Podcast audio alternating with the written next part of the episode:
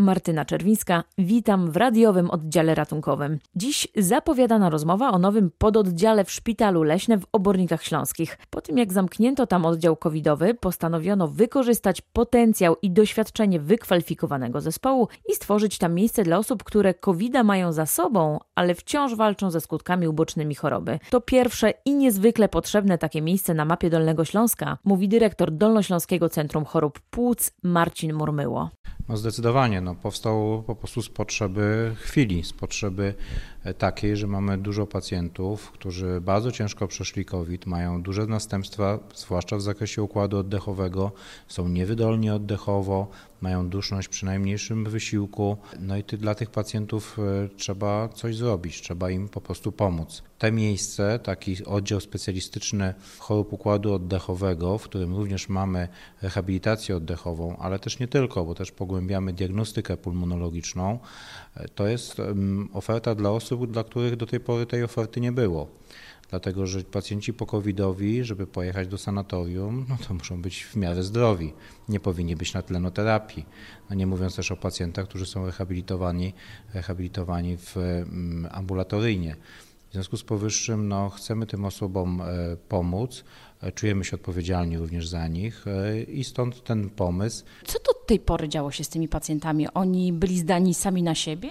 No byli w domu, tak. Byli w domu albo są w różnych szpitalach i są ciężko ich wypisać, bo, bo nie ma się kto nimi e, zająć, a tak naprawdę to jest, to jest ta grupa, która jest jakby no jedno z najważniejszych, tak. Od momentu takiego, gdzie jestem inwalidą i nie mogę się praktycznie ruszyć z łóżka, do tego, że mogę funkcjonować.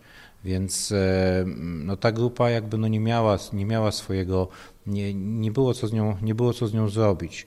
E, I tutaj no, wychodzimy jakby naprzeciw, naprzeciw tym, tym oczekiwaniom. Te skutki po covid mogą być różne. Czy wy przejmujecie tylko osoby, które borykają się z problemami związanymi z płucami, czy także poruszaniem się? No zwykle to jest, zwykle to jest tak, że to są rzeczy, które są sprzężone, tak?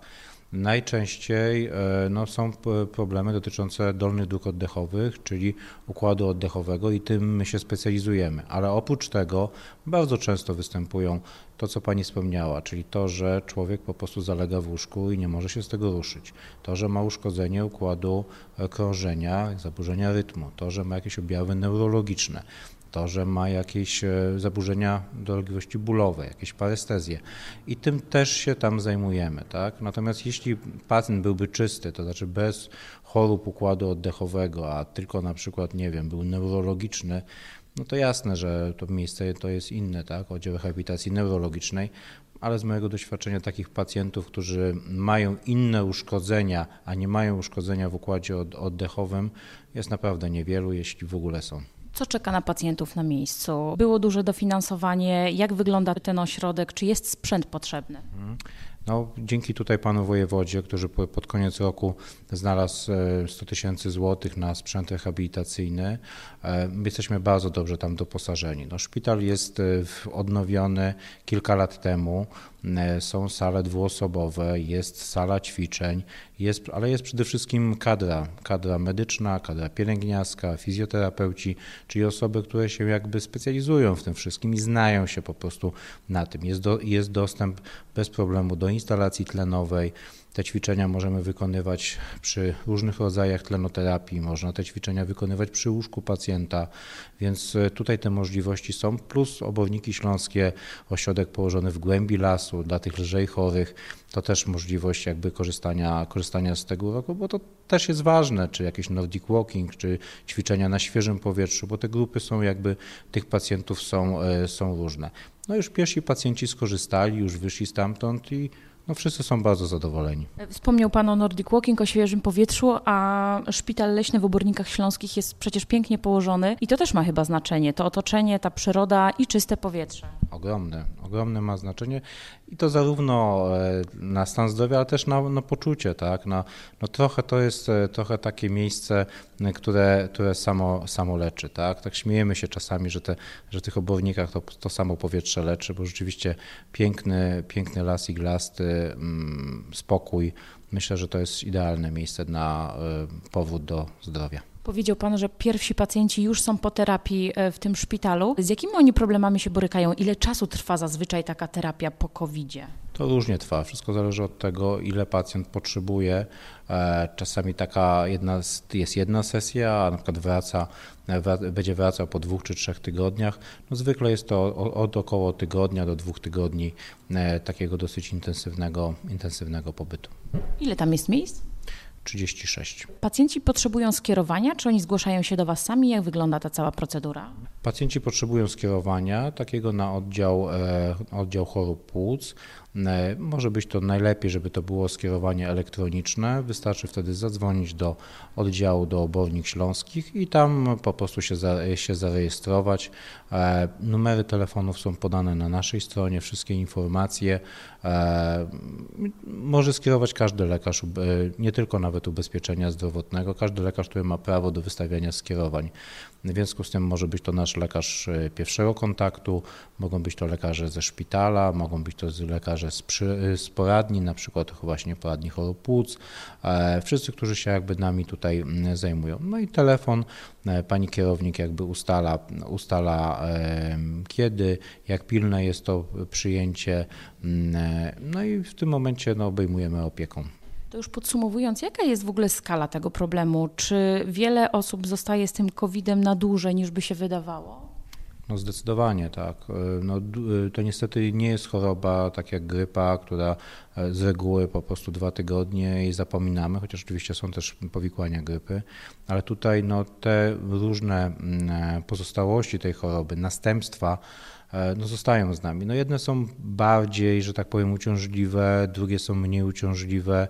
E, natomiast no, u części pacjentów, i to niestety nie tylko pacjentów, którzy byli leczeni szpitalnie, chociaż u nich w zdecydowanej większości, ale również tych leczonych w domu, którzy postanowili przeczekać w warunkach domowych, no y, jest, ten, te następstwa są, są duże. My to widzimy na przykład w zdjęciu, widzimy, widzimy zmiany śródmiąższowe, my to widzimy nawet, że ta duszność pojawia się przy takich prostych czynnościach, jak nie wiem, rozbieranie się do, do badania u lekarza.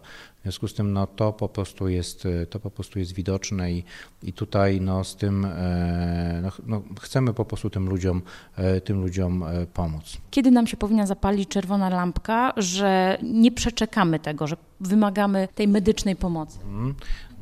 Jeżeli pyta Pani o to już po chorobie, to takim terminem, który jest uważany, że no, objawy, jeśli nie miną, to trzeba się zacząć tym martwić, to są około 2-3 tygodnie e, po zakończeniu izolacji, czyli, czyli po zakończeniu tej aktywnej e, formy choroby.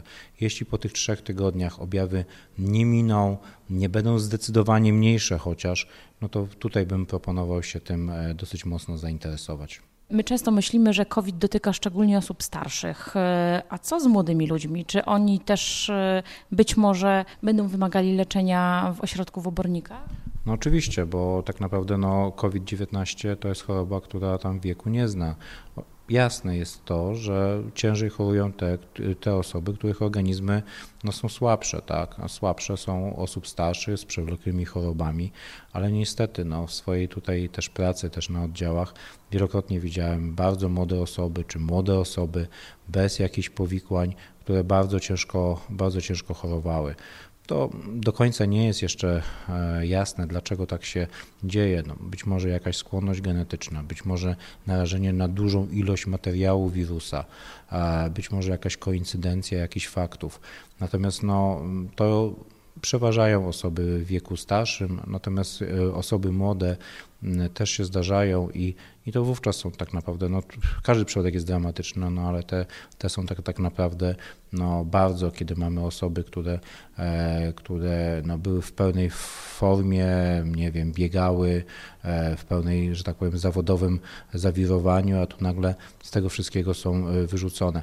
My też tutaj bardzo współpracujemy, mamy ośrodek e, leczenia, znaczy niewydolności, e, nieinwazyjnej wentylacji mechanicznej, czyli to, że stosujemy respiratory które potem pacjenci e, idą do domu, więc my też mamy jakby tutaj ten ruch pomiędzy, pomiędzy naszym sz- szpitalem we Wrocławiu a szpitalem w Obornikach. To też jest cenne, też mamy tutaj bardzo dobrą bazę diagnostyczną, badania e, patofizjologii oddychania, dyfuzja, pletyzmografia, e, tomografia w różnych opcjach, więc, e, więc tutaj tak naprawdę najpierw definiujemy problem, e, staramy się tym osobom pomóc, a potem staramy się też w jakiś sposób kontrolować, czy to się poprawia, czy to się nie poprawia, tak żeby no, zrobić wszystko, co, w- co w naszej mocy, żeby e, tym osobom pomóc.